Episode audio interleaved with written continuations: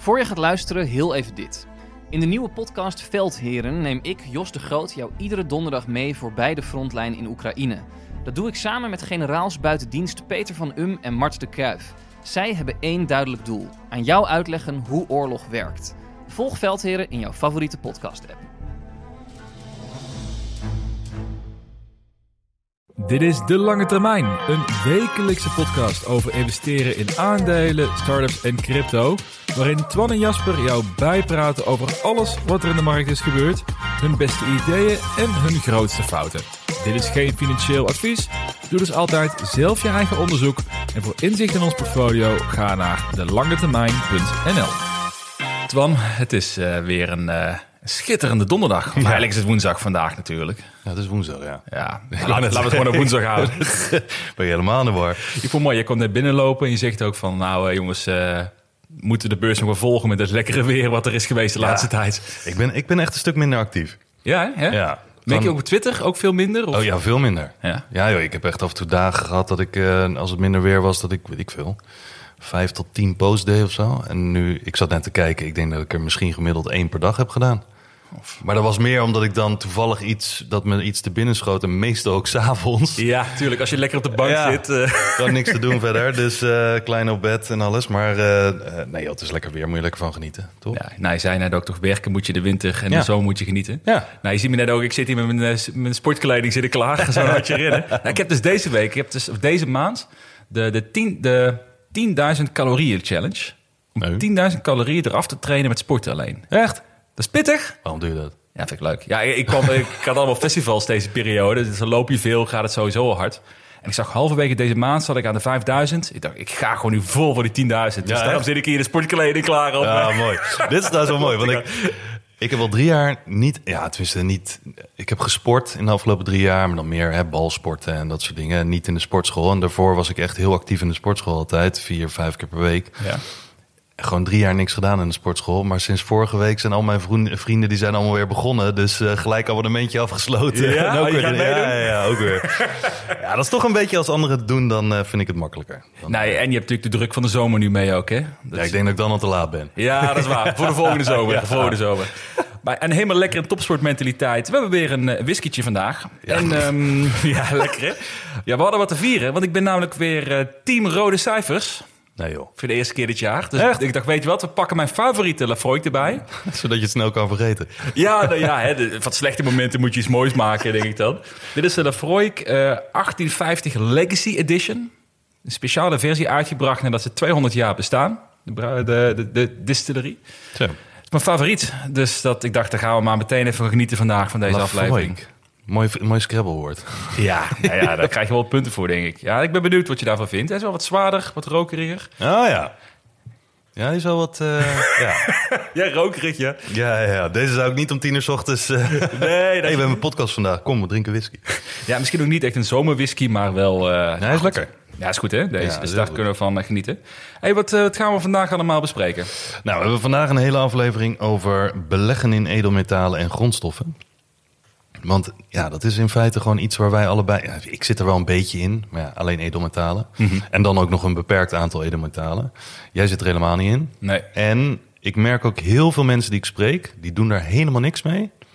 Weten niet hoe het zit, weten niet waar het vandaan komt. Ik sprak vorige week iemand die dacht dat plastic een grondstof was. Nou, ja, daar ga je al. In plaats van dat het gemaakt werd, werd ergens van... Oh ja joh, Olie. olie. Hebben we daar olie voor nodig? Meen je? Ja. Want die zei, ja, olie kunnen we wel zonder. Ik zei, oh ja joh. Ja, dat vind ik altijd een mooie discussie ook. Ja, ja. Dus daar gaan we even eh, induiken. Tenminste, niet heel diep. Maar we gaan er ook wat meerdere afleveringen over maken. Want het, ja, het hoort er wel gewoon bij, vind Ja. ik. En het is heel interessant. Met name naar de toekomst. En we hebben nog een eh, luistervraag. Vind ik een hele mooie. Want dat is iets precies in mijn straatje. Eh, hoe zouden wij 10.000 euro beleggen voor onze kinderen? ja. Heb jij daarover nagedacht? Ik heb er wel ideeën over. Ja? Ja, is leuk. Is ingestuurd door eh, Fibonacci Trading. Is zelf binnenkort een kind verwacht, dus dat is eh, gefeliciteerd. Ja, gefeliciteerd alvast. Dus dat is natuurlijk een heel mooi vooruitzicht ook. Ja, ik vond het wel een leuke vraag. Want Ja. ik denk dat... Ik heb er vaak over met mijn... eh, Of ik heb er wel eens over gehad met mijn zusje. Die heeft twee jonge kinderen. Mhm. Ja, het is echt het perfecte moment om nu langzaam al iets te gaan opbouwen voor ze. En je kunt ze ook heel leuk betrekken door te kiezen van nou, welk aandeel koop je dan, eh, waar zij mee bezig zijn. Nou goed, gaan we straks allemaal over hebben. Daar heb jij vast ook nog wel meer dan genoeg goede ideeën Ja. over. En, ehm, En we gaan natuurlijk straks, na deze aflevering, gaan we onze Vriend van de Show aflevering weer maken voor komende vrijdag, die live gaat, voor exclusief voor onze vrienden. En deze week ehm, was ik heel benieuwd. Twan loopt al, ja, ik moet nu zeggen 17 jaar. Ik wilde eigenlijk zeggen tientallen jaren, maar dat mag niet van Twan. Ik kreeg net al te horen. Maar wat beschouwt hij nou als zijn drie meest leerzame momenten of fouten wat hij gemaakt heeft in de periode? 300. 300? 300 Wat meest leerzame wat een XXL-aflevering gaat het worden. Dan mag je helemaal niet missen dan. Nou, wil je die aflevering horen, kun je vriend van de show worden. Op uh, langetermijn.nl kun je lezen wat het inhoudt, hoe je ons kan steunen... en hoe je dus ook extra afleveringen krijgt. Dus dat is een, een ontzettende aanrader. Wordt ook gewaardeerd. Wordt ook gewaardeerd, dat, dat sowieso. Hey Portfolio, wat, uh, wat is er bij jou allemaal aan de hand? Niks. Helemaal niks. nee. nee, ik sta nu op 24,7 procent. Niet zo heel veel gebeurd. Ik zat vandaag te kijken. Het is nu woensdag. Nee, is het woensdag? Ja, het is woensdag. Mm -hmm. um, vandaag uh, is Bitcoin omhoog geschoten. Die blockchain ETF van Van Eck is omhoog geschoten. Dat zit hier dan niet bij. Um, maar dat was een redelijke verrassing, omdat ja, gewoon de afgelopen week.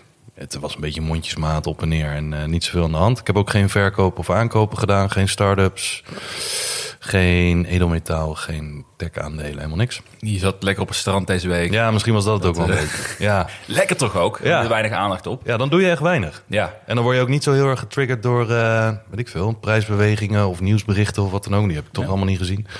Dus uh, misschien, misschien werkt het zo. nou, ik heb het dus ook de laatste week, waar, waar hadden we volgens mij de vorige keer had ik erover, van, dat ik ook heel weinig bezig ben met, met aandelen, dat soort zaken. Maar het, het leert je wel dat het inderdaad niet uitmaakt wat een koers op een dagniveau doet. Nee. Want die, nou, nu heb ik ook zoiets van, ja, oké, als het stijgt 10% en voor een dag gaat het vast weer naar beneden. Of we kijken over een maand wel. Geeft wel weer wat rust ook. Ja. Dus uh, toch wel lekker die zomer. Ik vind het ook wel lekker, ja. Nou, nou bij jou weinig ontwikkelingen dan. Ja, bij mij, ik heb uh, Planet Labs weer iets bijgekocht deze week. Nadat hij flink gedaald was na de vorige week al. Bijna volle positie. Uh, verrassend, inmiddels is AST Space Mobile mijn grootste positie geworden. Hè? Ja, dat was niet helemaal de bedoeling. Want dit is misschien wel een van de meer speculatievere holdings in mijn portfolio, wat al vrij speculatief is. Maar ze hebben het gewoon. Uh, ik heb best agressief bijgekocht begin dit jaar. Toen ja. het rond de 4 dollar stond ook. En nu uh, hebben ze net weer aangekondigd dat, hun, uh, dat ze bewijs hebben dat zij 10 MB per seconde kunnen downloaden. Via hun satellieten. Dat je connectie kan maken ermee. Wat weer, weer een nieuwe milestone is. Dus mm -hmm. ik zag net alweer plus 15, plus 20 procent gaan in de voorbeurs. Oh, dus dat is nu de grootste. Ook nu desktop met al beetje afgebouwd. En hoe groot is de grootste? Dat, is, dat, zal, dat zal nu 17%, 18% zijn van de portfolio. Ah, Oké, okay. dat is best wel raar, want jij zegt grootste positie toen ik jou vorig jaar sprak. Ja, dat was het 60%. ja, zou 60 geweest zijn. Nee, ik, nou zeker ook. Ik heb een heel gebalanceerd portfolio nu. In die zin van mijn, uh, mijn uh, zes posities, los van crypto, dan of zeven posities. Uh, allemaal tussen de 11 en de 16 procent qua grootte. Zo mooi. Nou, dat, uh, zonnesteek. Ja man, ik, word helemaal, ik, ik ben helemaal verder van diversiteit geworden nu in mijn Wat portfolio. En ik heb ook allemaal eigenlijk volle posities, behalve alfabet. Dus ik mm. moet weer uh, toch weer gaan kijken wat ik ermee ga doen. Want ik wil ook niet te veel blijven bijstorten nee. in de speculatieve holdings die ik heb. Dus, nee, dat snap ik, ja. Als, dat, uh, als die alfabet toch jouw soort ETF-veilige positie is, om het zo maar te zeggen. Ja. Dan wil je dat niet dat dat de kleinste positie is, denk ik. Nee, rationeel gezien een beetje gek. Ja. Wel min 2,2 procent. Dus daarom met 10 rode cijfers, daar gaan we een lekker whiskietje vandaag. Lekker. Maar goed, gaat naar vandaag weer anders zijn. Ja, dat is trouwens mooi, want het lange termijn portfolio die staat op 22,2 procent. Je hebt Ja. 2, min 2,2 procent. Het is wel een uh, tweetjes, uh, Verstijn. Ja, het is een beetje als je jouw portfolio pakt, mijn cijfers te aftrekt. Ja. Dan kom je uit op uh, de lange termijn portfolio. Niet gepland. Maar uh, ja, en uh, top 3 nog steeds. Uh, volgens mij is het hetzelfde als vorige week. Nvidia, Tesla en AMD. En de bodem 4, uh, Fiverr, MP Materials, Flow Traders en Hims Hers. Wil je daar wat over zeggen? Want ik wilde er wat over zeggen. Zeg het maar, ja, ja, ik weet Die heeft dus echt een hele tijd, dat Hims Hers, heeft een hele tijd op nummer 1 gestaan. Ja, hè? Ja. ik zat net ook te kijken. Die stond een paar weken geleden nog op plus 40, plus 50 procent Ja. ik. Weet niet wat ermee gebeurd Nee, is. ik Ik, ook heb niet niet. kunnen kijken. Volg ik niet, veel te veel posities. Dan ga ik wel checken zo meteen. Ja, dat is wel een verrassende. Want ze hadden Bizar. al, volgens mij, ik heb het een beetje gevolgd... omdat ik altijd een Teledoc eh interessanter vond, mm Telehealth. En volgens mij hebben zij ook wel goede earnings en dergelijke gehad... wat ik heel snel las. Maar ik zag dit ook net toevallig voorbij komen. En ik vroeg, wat is daarmee gebeurd? ja, dat is, heeft wel echt, eh, die is hard gevallen. Ja, nou, zo, zo gewonnen, zo verloren. Gewonnen. En nog voordat we beginnen met het onderwerp over edelmetalen... wat mij nog opviel afgelopen week... en dat, dat zie je toch weer, dat verbaast me toch steeds. Ik heb nog vaak het gevoel dat de small caps, micro caps... of met crypto, de kleinere crypto's... vaak de grootste stappen kunnen Mhm. maken.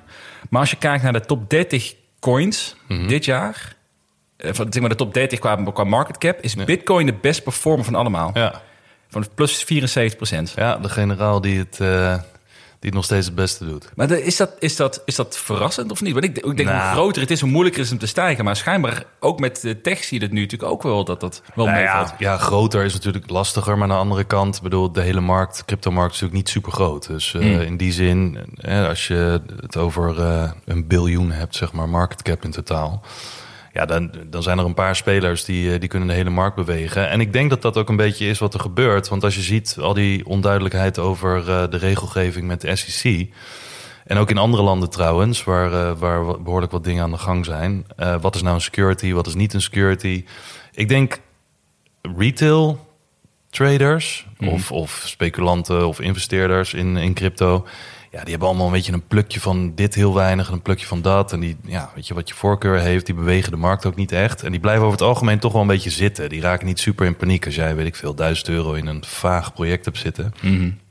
Maar die grote spelers, ja, die hebben ook verplichtingen aan hun eh, hè, investeerders als, als fonds zijnde. Dus, eh, en daar zijn er best wel wat van, eh, crypto hedge funds en dergelijke. Ehm, ja, ik kan me wel voorstellen dat die dan voor het veilige verhaal kiezen. En dat is dan bitcoin. Je wil niet uit het hele crypto eh, gebeuren, maar je wil erin blijven in die zin. Dus ik denk dat er heel veel omgewisseld is. En ik denk ook, maar ik weet niet hoeveel dat verschil ge- heeft gemaakt. Dat is echt puur speculatie.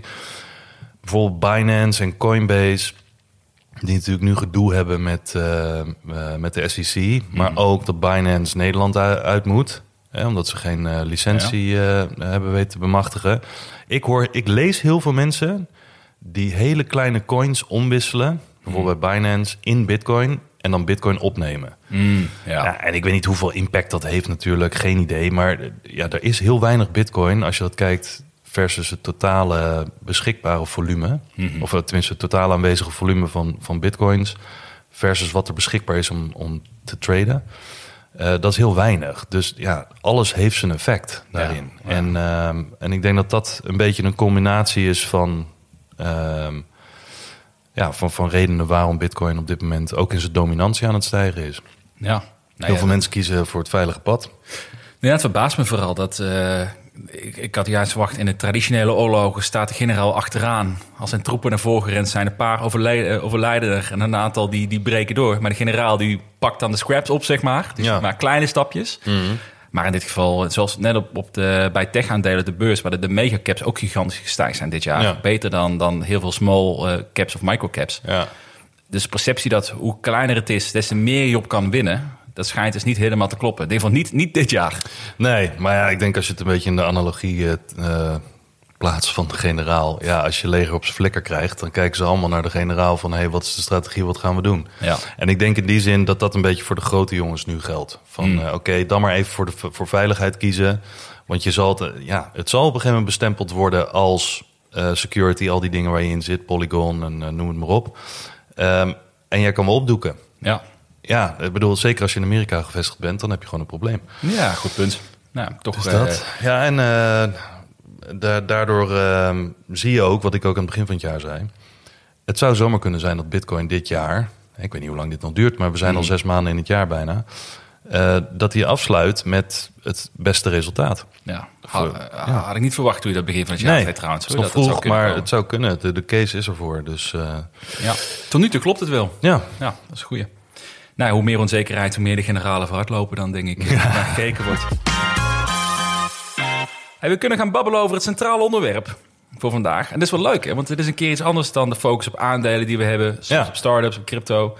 Maar het is natuurlijk net zozeer een asset waar je in kan investeren. Ja. Waar je eh goede keuze in kan maken. De wondere wereld van beleggen in edelmetalen en grondstoffen. ja. En daar heb jij je helemaal in verdiept afgelopen week op het strand. ja, op het strand. Je, ja. zat, je zat een kasteeltje Ja, ik graven in het zand. Die dacht van, daar, ja. dat zand moet ik, dat heeft waarde, dacht jij. Mijn dochter, mijn dochter vond in één keer iets. Ik denk, ah, mooi, dat kan ik verkopen. Nee, maar eh, even van tevoren in ieder geval. Wij zijn hier echt geen experts in. We, we hadden het erover en het is heel interessant. We willen ons daar meer in gaan verdiepen. Ik doe wel iets met edelmetalen, maar voor de rest niks met andere grondstoffen. Ehm, dus daar, ja, kan je niks over zeggen verder, denk ik. eh, om maar te zeggen dat je een expert bent. Eh, maar we nemen mensen gewoon een beetje mee in onze eh, ontdekkingsreis. En eh, ik denk dat dat ook wel leuk is, gewoon vanaf het begin.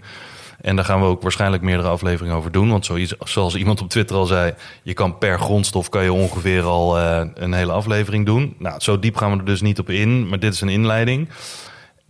En ik vind een, mooi, eh, ja, een mooie uitdrukking altijd eh, van de mensen die er wel specialist in zijn. Die zeggen altijd, hij die de grondstoffen bezit kan het aanbod, bepalen. En dus de prijs. En waarom? Alles wat wij gebruiken is van grondstoffen gemaakt. Dus het is, je kan er niet omheen. Je kan het niet links laten liggen. Weet je wel? Dus je hebt de, de tafel, de, je telefoon, nou, de whisky die we drinken. Ja. Alles is Prima gemaakt grondstoffen, uit- kan ik je vertellen. Ja, prima grondstoffen, ja. nou ja, en dan heb je dus vraag en aanbod, al naar gelang waarvoor het gebruikt wordt. En, ehm, eh, en, en sommige grondstoffen zijn in eh, overvloed aanwezig, andere grondstoffen zijn schaars. En dat bepaalt ook de, de dislocatie tussen vraag en aanbod en dus ook de prijs. Ehm, maar om allereerst eens even te zeggen, hè, daar moest ik ook even induiken, als een soort refresher. Waar hebben we het dan over als je zegt grondstoffen en edelmetalen? Want Ja. eigenlijk zijn edelmetalen gewoon onderdeel van de categorie grondstoffen. In het Engels commodities. Ehm, maar die kan je een beetje onderverdelen in... Ja, je kan het zo gek maken als je zelf wil... maar even een, paar ruwweg eh, ehm, ingevulde categorieën. Grondstoffen op basis van energie, dus ruwe olie, aardgas, kennen we allemaal. Je zou kunnen zeggen eh, uranium, Ja, lit- ja. lithium, hè, ook gebruikt voor energie. Ehm, dan heb je bijvoorbeeld de metalen. Daar heb je een onderscheid tussen de edelmetalen en de basismetalen. Edelmetalen zijn over het algemeen de schaarse metalen. Goud, zilver, platina, palladium. Dan heb je de basismetalen, die ook waarschijnlijk iedereen wel kent, maar sommigen misschien ook niet. Eh, koper bijvoorbeeld, aluminium, Oh ja, ja. zink, nikkel, lood, tin. Allemaal basismetalen. De, de, de niet sexy ma- metalen, niet sexy maar die metalen, ja. eh, ja. Ja, ja, looie kogels. En ehm, dan heb je nog landbouwproducten, waar ook heel veel over geschreven was. Eh, zeker tijdens de, het begin van de Oekraïne-oorlog. Ehm, met name bijvoorbeeld eh, de tarwe, mais, sojabonen. Bijvoorbeeld. Oh, dat beschouw je ook als grondstoffen natuurlijk. Ja, dat is ook een grondstof. Ja, ja, ja. Ehm, dat zijn landbouwproducten. Maar in die zin, als je bijvoorbeeld kijkt naar eh, soja, waar de wereld extreem veel gebruik van maakt nu. Brazilië is Mm. de nummer één producent van soja. Weet je, dus bedoel, als het toe gaat nemen, dan is Brazilië daar heel interessant in. Welke bedrijven dan, et cetera. Nou, ja. kunnen we later wat over hebben. Koffie bijvoorbeeld ook. Oh ja, tuurlijk. Brazilië ook heel groot in. Eh, suiker, cacao. De, de cacaoprijzen die eh, swingen ook altijd op en neer. En dan wordt de chocola duurder, waardoor iedereen zagrijnig wordt. Ehm tenminste bij mij in huis. Eh, kan ik me voorstellen. en, nou, en dan heb je nog eh, vee. eh, rundvlees, varkensvlees, pluimvee. Jezus. Ook allemaal. Wordt ook allemaal onder die commodity noemer gebruikt. Ja, en dan heb je nog overige grondstoffen. Bijvoorbeeld, nou ja, noem maar maar eentje, hout. Laten we, laten we zeggen, allemaal één voor één afgaan in deze aflevering. Ja, laten we niet nee, het, het zijn er wel eens. Ik had in mijn netvlies alleen maar staan de, de, de standaard edelmetalen en de olie, uranium, dat soort zaken die, die we echt nu veel besproken zien worden. Ja. Maar wat je nu noemt is natuurlijk een enorme lijst ook. Maar zijn het, zijn het allemaal ook grondstoffen waar jij naar kijkt? Of is er een selectie die jij dan specifiek interessant vindt? Nou, ik denk dat je... Tenminste, er zullen mensen zijn die kijken naar alles. Maar dat zijn denk ik voornamelijk... Dus dat gok ik.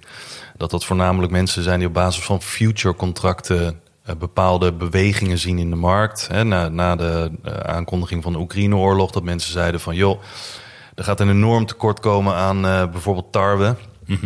Want dat gaat niet meer geëxporteerd worden vanuit, eh, vanuit de Oekraïne. En, en, en de Oekraïne is de graanschuur van onder andere Europa.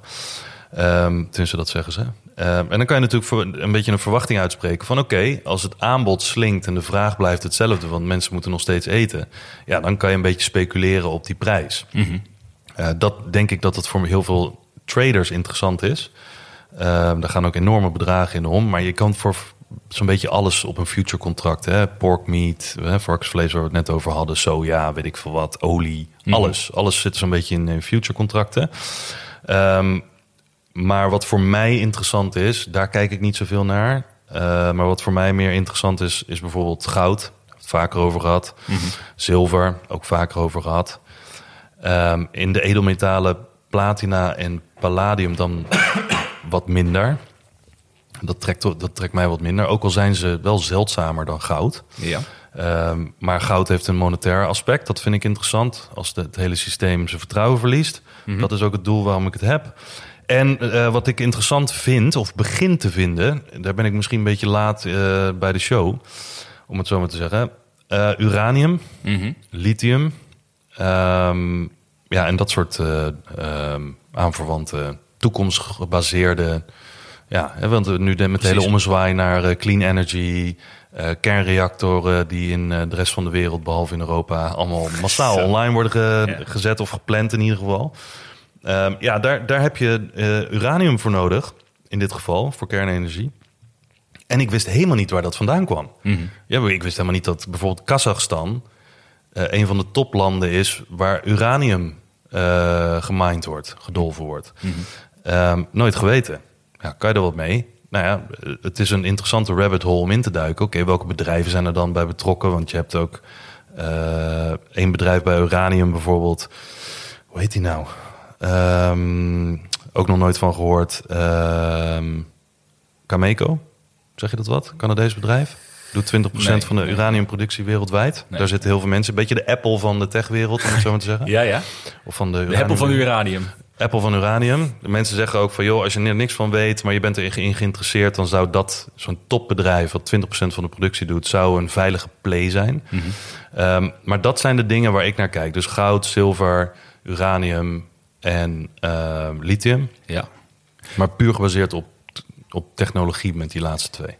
Ja, want dat wilde ik inderdaad vragen. Maar even eigenlijk even weer een stapje terug ook. Van wanneer en in welk portfolio is edelmetaal nou interessant? Want je gaf net al, al aan, met heel veel dingen kun je traden. Heel veel future contracten. Nou, ik denk dat een doelgroep is die wij niet per se Nee. maar, aanspreken. We Nee. zitten meer voor de lange termijn erin ook. Eh, jij kijkt dan, als ik het goed begrijp, veel meer naar materialen die eh, relevant zijn voor toekomstinnovatie. Batterijen en dat soort zaken. Ja. Zijn dat dan ook, die, wat je net noemt, uranium, lithium, zijn het ook dan edelmetalen waar jij wil investeren voor de langere termijn? Of hoe, hoe zie je dat als een soort assetklasse? Nou, dat zijn grondstoffen, niet zozeer edelmetalen. Maar ja, natuurlijk, ja. Ehm, ja, goed. Ik bedoel, ik vind dat interessant inderdaad, omdat hoe, waarom zou dat interessant zijn voor andere mensen? Of waarom zou dat interessant zijn voor een belegger? Omdat je probeert te schaatsen waar de puk gaat zijn. En als je nieuwsberichten leest, dan kan je ze gewoon lezen zoals ze zijn. Namelijk, hè, eh, Japan na die hele ramp met Fukushima bijvoorbeeld, ehm, begint nu weer eh, zijn plannen op te starten om kernreactoren weer meer online te. Want ze hebben er nog een aantal en die gaan ze weer meer online zetten. China wil volgens mij, ik, heb, ik weet niet uit mijn hoofd, maar wat is het, 100 of 200 eh, kerncentrales online brengen. India en China zijn sowieso de landen die hebben aangekondigd de meeste kerncentrales ooit Oh, te ja. willen gaan opstarten en bouwen. En dat kost nogal wat tijd en resources. Maar ja, dat, eh, dat is heel interessant. Eh, dat zijn ook twee enorme groeimarkten. En ook twee markten waar enorm veel mensen wonen. Dus die economie die zal waarschijnlijk heel groot zijn. In Europa, ja, bouwen het af. ja, bijzonder ook. Maar Ja, vind ik ook bijzonder. Maar goed, daar, daar zijn hele verhitte discussies natuurlijk over. Maar als je ziet van, oké, er zijn voornamelijk veel BRICS-landen... zijn heel sterk in grondstoffen. Eh, die zitten letterlijk op de grondstoffen die Ja. de hele wereld nodig heeft. En als je kijkt naar welke grondstoffen zijn er voor de toekomst... met het huidige beleid van hè, CO2-neutraal en clean energy en dergelijke... En hoeveel subsidies gaan er allemaal heen? Wat is dan interessant voor de toekomst? Ja, dan hoort kernenergie daar denk ik bij. En wat je er ook van vindt. Ehm, en als je dat dan specifiek gaat bekijken, oké, als kernenergie interessant is, dan is de grondstof uranium, onder andere, ehm, of hoofdzakelijk.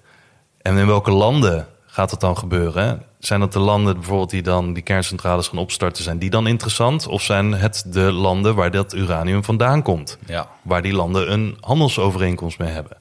Ja, en heel veel landen in bijvoorbeeld ehm, hoe noem dat? Afrika, maar ook in Zuid-Amerika. Ja, China heeft overal banden mee, eh, overal verdragen. En dat zijn voornamelijk landen die niet bij de, bij de westerse alliantie horen, om het zo maar te zeggen. Dat zijn de BRICS-landen. Ja. Ja, en dat maakt het voor mij een beetje interessant, omdat mijn ogen vaak gericht zijn op het Westen. Hè, vooral tech. We zijn natuurlijk allemaal een beetje gekleurd door tech, of door value-aandelen, bij wijze van spreken. Eh, de Coca-Cola's en de Pepsi's en de Shells en weet ik veel wat allemaal. Ehm, maar dat zijn over het algemeen westerse bedrijven. En er zitten enorm veel bedrijven die nu al groot zijn, maar ook naar de toekomst toe, met name in dit soort sectoren, die in de toekomst gewoon heel interessant kunnen zijn. Want wie gaat er in Kazachstan beleggen? Ja, ik ken ze niet. Nee. Maar als je daar je uranium vandaan moet halen, dan is dat wellicht interessant of er bedrijven zijn die daar hè, mee werken. Raffinaderijen en zo. Wat me wel lastig lijkt, of wat ik een uitdaging persoonlijk vind met, met, met grondstoffen investeren, is het is ook altijd een kwestie van vraag en aanbod. En bij aandelen, bij bedrijven weet je, als de omzet stijgt, de winst stijgt, winst stijgt, willen mensen meer voor betalen. Dus ze Ja. gaat de vraag naar het bedrijf omhoog. Hè? Ja. Bij grondstoffen heb ik het gevoel dat je kunt natuurlijk ervoor kiezen om meer grondstoffen te gaan delven. Dus eh, je kunt de perceptie hebben, uranium wordt belangrijker, lithium wordt belangrijker, want we gaan het veel meer gebruiken. Dat klopt. Ja. Maar als dat twee keer meer gebruikt wordt de komende jaren, maar we gaan drie keer zoveel van die grondstoffen delven, Mhm. dan heb je nog steeds geen toename van de waardering van de grondstof. Dat Nee. maakt het best wel ingewikkeld. Hoe zie jij dat? Nou ja, in die zin, als je, dat zou betekenen dat zeg maar, de variabele, ehm, eh, bijvoorbeeld het, de toegankelijkheid ehm, naar die grondstoffen, dat dat allemaal hetzelfde blijft. Je kan natuurlijk voorstellen dat bepaalde grondstoffen die gedolven moeten worden, dat wordt steeds moeilijker om te vinden. Ook al hebben ze allerlei geologische onderzoeken gedaan, dat ze op verschillende plekken nog, hè, dat er nog grote deposits zijn. Eh, maar voordat je een hele mijn hebt gebouwd, voordat je eh, eh, alle machinery hebt, voordat je de capital investments hebt, hè, dat is echt capex heavy, ehm, gaat er wel wat jaren overheen. Ja, en als in de tussentijd de, de vraag enorm groeit, maar het aanbod kan niet meegroeien, dan, ja, dan heb je een prijsstijging. Maar op het moment komen een heleboel mijnen online en dan heb je in één keer weer een boom in de aanbod. We zagen in eh, 2020 dat door, door COVID heel veel mijnen gesloten moesten worden. Terwijl de vraag naar die grondstoffen nog steeds aanwezig bleef.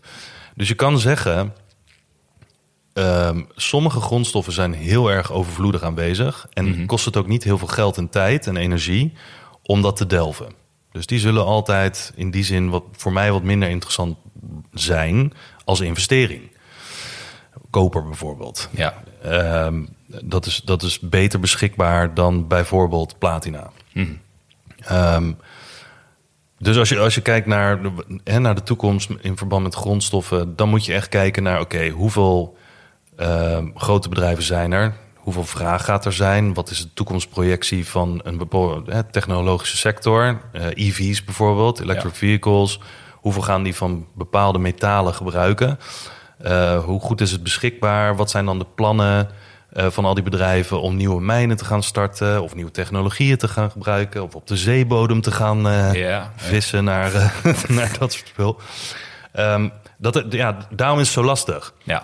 Ehm, maar als je al begint bij vraag en aanbod, als het gaat om vraag en aanbod vanuit de markt, dat is één. Maar ook vraag en aanbod als het gaat om ehm, bedrijven die zich echt willen bezighouden met het minen. Hoeveel, hoeveel spelers zijn er? Worden de spelers overgenomen? Gaan ze kapot? Eh, er zijn de afgelopen jaren zijn er heel veel mijnbedrijven zijn er kapot gegaan. Vooral kleinere spelers of opgeslokt. Ja, omdat als je bij een start-up al uit je geld bent, dan moet je even die mijnbedrijven Ja. even voorstellen. Die hebben echt niet normaal veel kosten. Alleen al door die machines die daar staan. Dus dat is allemaal interessant om in de gaten te houden. Mocht je erin willen duiken.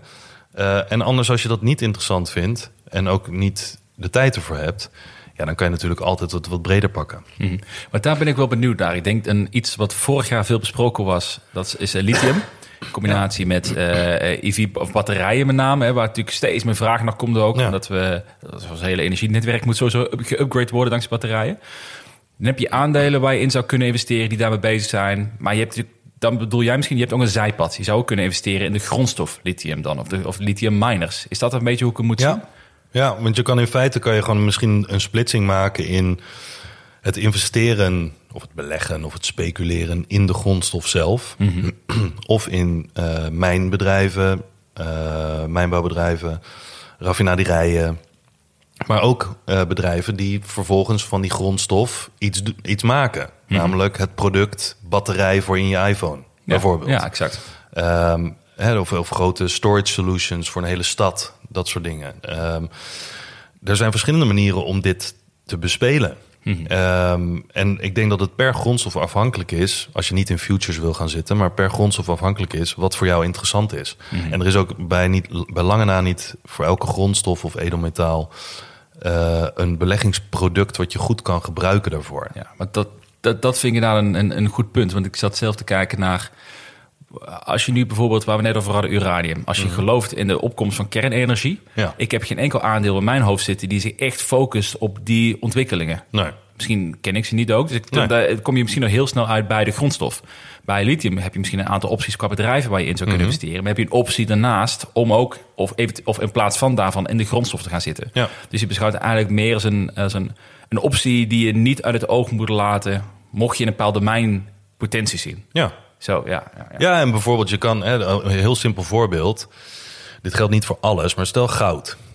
Je kan goud op verschillende manieren bezitten, in investeren. Maar je kan ook in de mijn, goudmijners investeren. Ja, was twee jaar geleden heel populair, toch? Ja. Heel veel mensen. En die zijn wat meer cyclisch. Gold en zo. Ja, maar die zijn, die zijn wel explosief. In die zin explosiever dan goud zelf. En zo heb je dat met meerdere grondstoffen. Ehm, dat bijvoorbeeld een ETF of een ehm, ETC, Exchange Traded Commodity... waarbij je puur belegt in een beleggingsproduct... lijkt op een ETF, maar het is dan geen mandje... want er zit maar één product in. Ja. Eh, in dit geval goud of zilver of koper bijvoorbeeld. Ja, dan volg je dus de prijs van koper. Ja. Eh, of van goud of van zilver. Maar niet van de bedrijven die daar iets mee te maken hebben. Dus gewoon puur het product wat op de markt bepaald wordt op basis van vraag en aanbod. Gewoon de echte spotprijs. Ja, gewoon echt een Ja, spotprijs, ja. ja. Hey, ben ik wel benieuwd naar. We kregen een vraag ook van eh, Slim met Geld. Kregen we. Vond ik wel een terechte vraag ook. Van, als we het hebben over goud. Mhm. Waarom zit er nou zo'n verschil tussen fysiek goud bij de ene aanbieder en bij de ander? Omdat het ene bestaat uit lood met een laagje goud. Dat zou lekker zijn. Ja, daar zijn wel verhalen over. Nee, nou ja, goed, heel simpel. Ehm, als jij echt fysiek goud koopt en je koopt dat bijvoorbeeld in de vorm van een baar of van een munt, wat ook kan voor zilver en palladium en eh, platina bijvoorbeeld. Eh, alle edelmetalen kan je dat op die manier kopen. Ehm, dan hebben sommige aanbieders waarbij je dat koopt, eh, die hebben een goed netwerk. Die halen dat, die kunnen dat heel makkelijk halen bijvoorbeeld bij een smelterij. Ehm, of moet het via een tussenpersoon doen. Ehm, ze gooien er nog wat bovenop. En dat is puur bedrijfstechnisch van oké, hoeveel personeel moet je betalen, eh, opslagruimte, veiligheid, verzekering, dat soort dingen. Er zijn veel bedrijven die doen het in zo'n bulk dat per aankoop, per muntje goud bijvoorbeeld, dat ja, de marge niet zo heel groot hoeft te zijn. Omdat ze gewoon veel volume omzetten. Ehm, maar sowieso ligt bij al die dingen, eh, zoals fysiek goud, eh, ligt de spotprijs altijd onder wat je fysiek kan kopen. Dus zeg dat de spotprijs van goud 1800 euro is. En je koopt eh, een muntje, dan kan het zijn, als je bijvoorbeeld een jaartal hebt, zoals 2023, een nieuwe mint van het muntje, dan betaal je 1850. Ja. Ja, en die 50 euro verschil, dat is gewoon puur transport, verwerking tot de munt, ehm, eh, inpakken, veiligheid. ehm, nou ja, en wat, ja, zo'n zo'n gouddealer moet er ook wat aan verdienen. Ja, dat is eigenlijk net zozeer als je bij bol.com Ja. koopt of bij een andere webshop Ja, niet online. anders de dan prijs zit er verschil in. Ja. Ja, oké. Ja. Hey, hoe, hoe pak jij het, het, het zelf aan? Want jij zit volgens mij ook bij een goudhandel, dus je af en toe iets laat kopen, maar ook het voor jou dan weer eh stort, als ik me niet vergis. Ja. Volgens mij heb je geen bak thuis liggen met allemaal gouden baren en eh, dat soort zaken. Behalve een paar gouden Rolexen misschien. Maar, Ja. Maar wat, wat, is, wat is volgens jou de...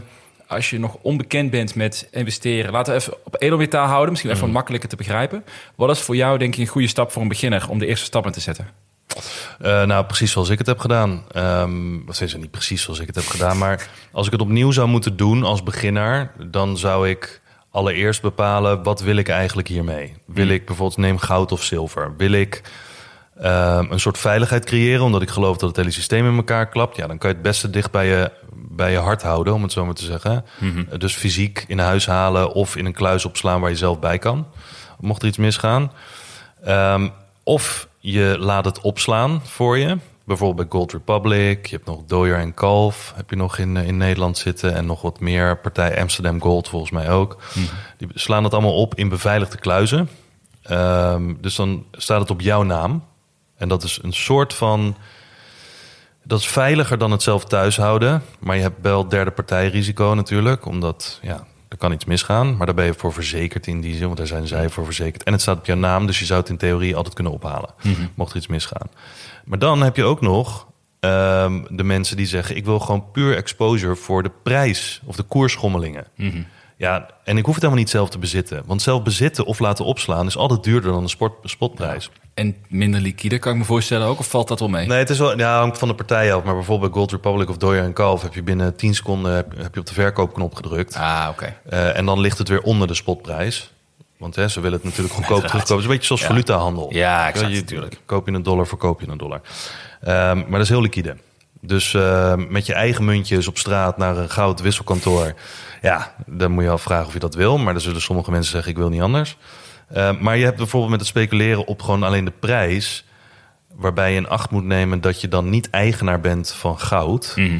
Dat is bijvoorbeeld een goud-ETF. Oh ja. Ja. Je, hebt, eh, je hebt ook, eh, of, een, of een ETC, dus een eh, Exchange Traded Commodity. Dan heb je gewoon exposure voor de koers. En de ETC, net, dat was eigenlijk vergelijkbaar met een ETF, alleen dan één product. Ja. En verder gewoon qua hoe het werkt, Ja. en dat is zaak gewoon eh, één op één. eh, Ja, ja je, hebt, eh, je hebt verschillende aanbieders ervan en eh, kan je gewoon bij de Giro, alsof je een eh, ETF eh, koopt. En dat heb je voor mij voor goud, voor zilver, heb ik er dan een keer gezien ook. Ja, Bij de tweede koper. Koper ook, ja. Olie, eh, platinum volgens mij, eh, verschillende. Maar meer de, meer de liquide Ja, ehm, grondstoffen in die zin. want dat, dat was altijd iets wat mij een beetje afschokte van, is van de, als je met futures gaat werken, ik heb dan geen idee wat ik doe. En eh, je- ik weet niet of je het nog herkent van, Ja. eh, dat, dat ze tijdens de coronatijd en met zo'n future contract gingen handelen in olie en toen letterlijk de vaten moesten afnemen. Ja, ergens in een eh, schimmig eh, dorp in, eh, in de Verenigde Staten. Ja. Ja, daar, mooie verhalen zijn Ja. dat. En misschien ehm, afsluitend erin. Wat zou voor jou een reden zijn? Waarom zou een belegger interesse moeten hebben om in edelmetalen of een grondstoffen dan in ieder geval zich te gaan verdiepen? Om dat als serieuze optie te overwegen? Nou, ik denk dat grondstoffen altijd bestaan. eh, altijd nodig zijn. Hè, Tenzij we van lucht gaan leven en alles kunnen maken van lucht. Met machines die niet bestaan uit grondstoffen en dergelijke. Dus dat, ja, dat zie ik gewoon niet voor me. Nee, Ehm, puur omdat het er altijd zal zijn en we altijd er gebruik van zullen maken, is het interessant om te kijken wat de trends gaan zijn van de komende jaren en welke metalen in dit geval. Want ja, hè, eh, vee en dat soort dingen, dat interesseert me niet zo. Maar meer die metalen. Welke zullen daar exponentieel voor nodig zijn? Ja, dan heb je heel veel websites. Eh kan ze ook wel in het artikel zetten. eh, waarbij je gewoon bijvoorbeeld de eh stock-to-flow in de gaten kan houden. En heel veel mensen die stock-to-flow horen denken: oh, het is Bitcoin. Ja, wat is dat inderdaad? Nou, stock-to-flow wil gewoon zeggen dat ehm, hoeveel voorraad is er en hoeveel voorraad komt erbij. en als je bijvoorbeeld eh 2 ton eh, komt erbij op 200 ton voorraad, dan heb je 1% wat er elke keer bij komt. Oh ja, oké. Ja, en als dat minder wordt, dan weet je, oké, het slinkt sneller dan dat het aangevuld wordt. Dus de vraag is groter dan het aanbod. Nou, en dat, dan weet je dat er een prijsstijging kan komen. Ehm, maar puur diversificatie, denk ik.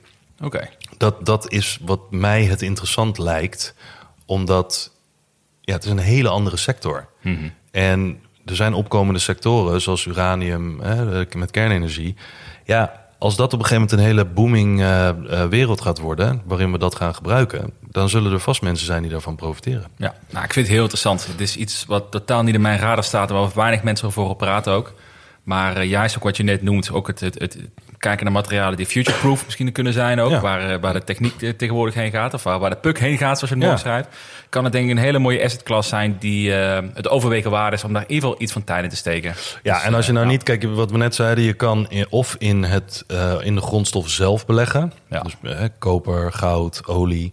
Of je kan beleggen in de aandelen van bedrijven die zich bezighouden daarmee. Dus eh, miners, raffinaderijen, research and development bedrijven die zich puur daar op de techniek eh, bezighouden. Dat kan. Eh, of je kan in een ETF investeren. Want er zijn partijen, zoals bijvoorbeeld Van Eck of hoe heet ze nou, Global X. Mhm. Die hebben best wel wat ETF's waarbij zij het vooronderzoek doen van oké, die zitten in die sectoren, die zijn met die grondstoffen bezig en daar maken we een mandje van. Het zijn meestal ook niet ETF's waar heel veel posities in zitten, want ja, er zijn er gewoon niet heel veel. Ehm, maar een aantal voorbeelden, bijvoorbeeld voor mensen die eh, wat meer willen doen met eh, goudmijners, vind ik een hele interessant. Volgens mij zit ook de populairste onder de goudmijn-ETF's. Die is van Van Eck. De goldminers, de, met ticker eh, GDX. Kan je gewoon ook bij de Giro in beleggen. Die hebben nou ja, heel wat posities eh, in gewoon de grootste goudmijnbedrijven. Dan heb je ook nog de Van Eck Gold Miners Juniors. Dat zijn al wat meer de speculatieve, de, de, de small cap eh, miners. Dan heb je nog een partij Global X. Die doet heel veel dingen bijvoorbeeld met uh, copper miners. Kun je ook in gaan zitten, wat je wil. Eh, Van Eck heeft ook nog een eh, Uranium and Nuclear Technologies, ETF. 25 holdings, nou, wat ik net noemde, die Cameco is een van de grootste wereldwijde leveranciers van uraniumbrandstof. Dat is ook de grootste holding die erin zit. Nou, dan doen zij het werk voor je. Eh, lopende kosten 0,55% Maar dat is, die liggen allemaal wat hoger bij deze specialistische ETF's. En bijvoorbeeld als je puur in uranium wil gaan zitten... kan je de Global X Uranium ETF eens bekijken. 47 posities. Ehm, lopende kosten van 0,69% En je hebt, ja, Global X die zit hier best wel goed in. En die is ook best wel goed beschikbaar ook bij de Giro en andere aanbieders. Maar je hebt dus ook een Global X Lithium and Battery Tech ETF. Nou, daar zitten 40 namen in, waaronder Tesla, Panasonic, BYD, Samsung en Albemarle. Ik weet nou ik dat moet uitspreken. Eh, was voor mij tot een paar weken geleden ook een onbekende naam, totdat iemand hem noemde. Ehm, maar ook heel interessant. Ehm, en dan heb je er nog eentje, Ja. die heeft echt van alles en nog wat. Waar ik nog nooit van gehoord had, zelfs van de mineralen en de metalen niet. Dat is ook weer van Van Eck. Die hebben echt wel specialistische dingen. Wordt niet gesponsord, zou eens tijd worden. Ehm, maar dat is de Van Eck Rare Earth and Strategic Metals ETF. Dus eigenlijk meer dan genoeg opties als je er Ja. iets in zou willen. Ja, Dat, eh, leuke opties, laat die in het artikel ook die benoemen. ga, die ga ik zeker even. We gaan afronden met nog een... eh, of afronden, we hebben nog een leuke vraag. Wil ik zeggen. Maar afronden met een leuke vraag. Hmm. Ja. Het is van Fibonacci Trading. We hadden het net al over in de introductie. Van als je de portfolio's... Als je 10.000 euro zou kunnen inleggen voor je kind... hoe zou je portfolio eruit zien? Ik heb altijd geleerd, als je geen kinderen hebt... moet je je mond houden over zaken als je papa zou zijn. Dus ik hou me even stil. je doet het, je doet het Is dat, is dat nadat je die opmerking had gemaakt over... ah, je hebt twintig kinderen en één is hartstikke dom? Eh, dat week. zou wel. eh, nee, je hebt toch vaak van. Als je geen kinderen hebt, dan weet je niet waar je over praat. Waar ik in bepaalde vorm wel iets bij kan voorstellen.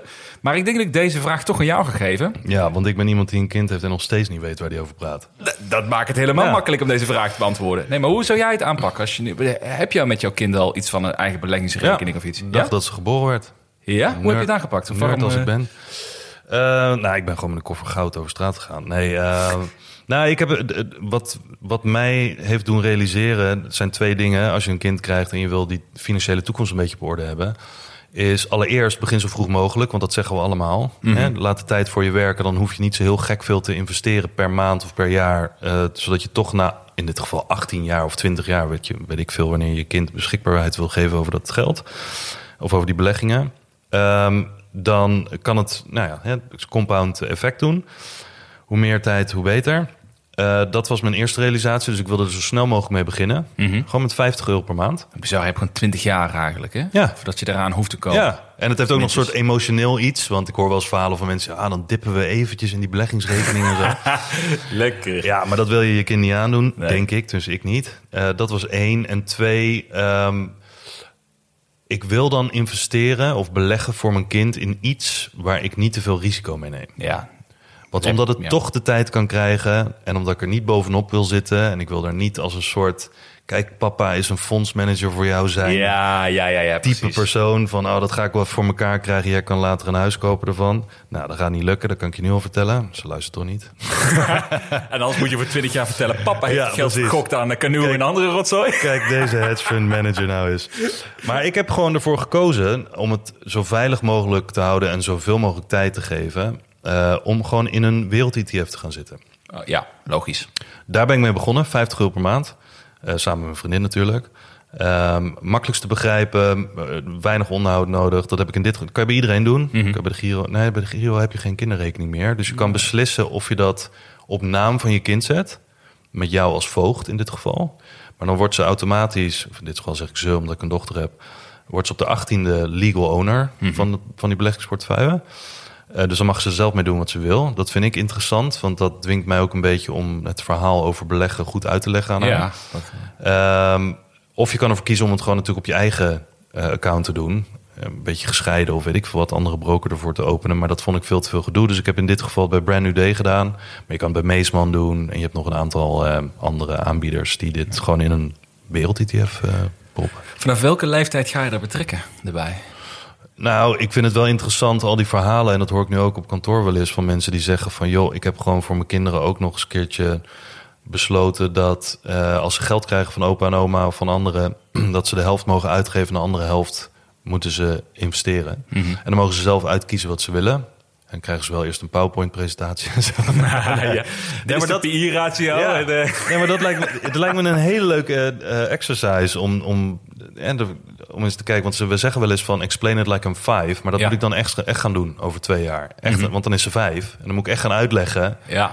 En een beetje eraan gaan wennen op speelse manier om erbij te betrekken. Want Mhm. anders is het gewoon, ja, we beleggen voor je. Oh, je bent 18, hier heb je een... Hier heb je eh, je spaarpot. ja, en dan ineens, eh ja, ik ga naar New York. Doei. Ja, precies. Ja, wat, mij is heel, wat ik een heel leuk idee vond, en dat eh, als ik later groot ben, hoop ik dat ook te kunnen doen ook, is dat je vanaf een bepaalde leeftijd als een beetje kunnen eh, het, het snappen, dat je hen ook laat kiezen waar, welke aandelen zij willen Mhm. Ja. investeren op basis van degene waar zij dagelijks mee werken. Dus Ja. bijvoorbeeld een, als zij iedere dag een Roblox zitten, kunnen zij super fan zijn en zeggen ik wil investeren in Roblox. Maar dan krijg je ook die mindset natuurlijk dat ze gaan nadenken over wat zit een achter het bedrijf, hoe verdienen ze geld. Wel, niet dat ze acht zijn waarschijnlijk, maar ze groeien wel een beetje met dat idee op van beleggen in dingen waar je wat je snapt, Ja. wat je leuk vindt, waar je toekomst in ziet. Ik denk dat het zo waardevol kan zijn om het vroeg mee te krijgen. Daar loop je zo voorop. Dat denk ik ook. En ik bedoel, ik hoop dat mijn eh, dochter straks op het schoolplein ook gewoon eh, gaat rondlopen en eh tegen iedereen gaat zeggen: Ik ben, ben eigenaar van Apple. Ik ben Ja, eigenaar ja, van ja. dit. Weet je, want ja, je bent wel mede-eigenaar. Ik, ik, zag, ik zag laatst trouwens iemand op, op Twitter ook die zei: Ik ben de co-owner van Ajax. Je had drie aandelen Ajax. Vond mooi. Ja, Nee, geweldig. Maar ja, ik vind het heel, ja, ik vind het zelf een heel goed idee dat je dat meteen doet.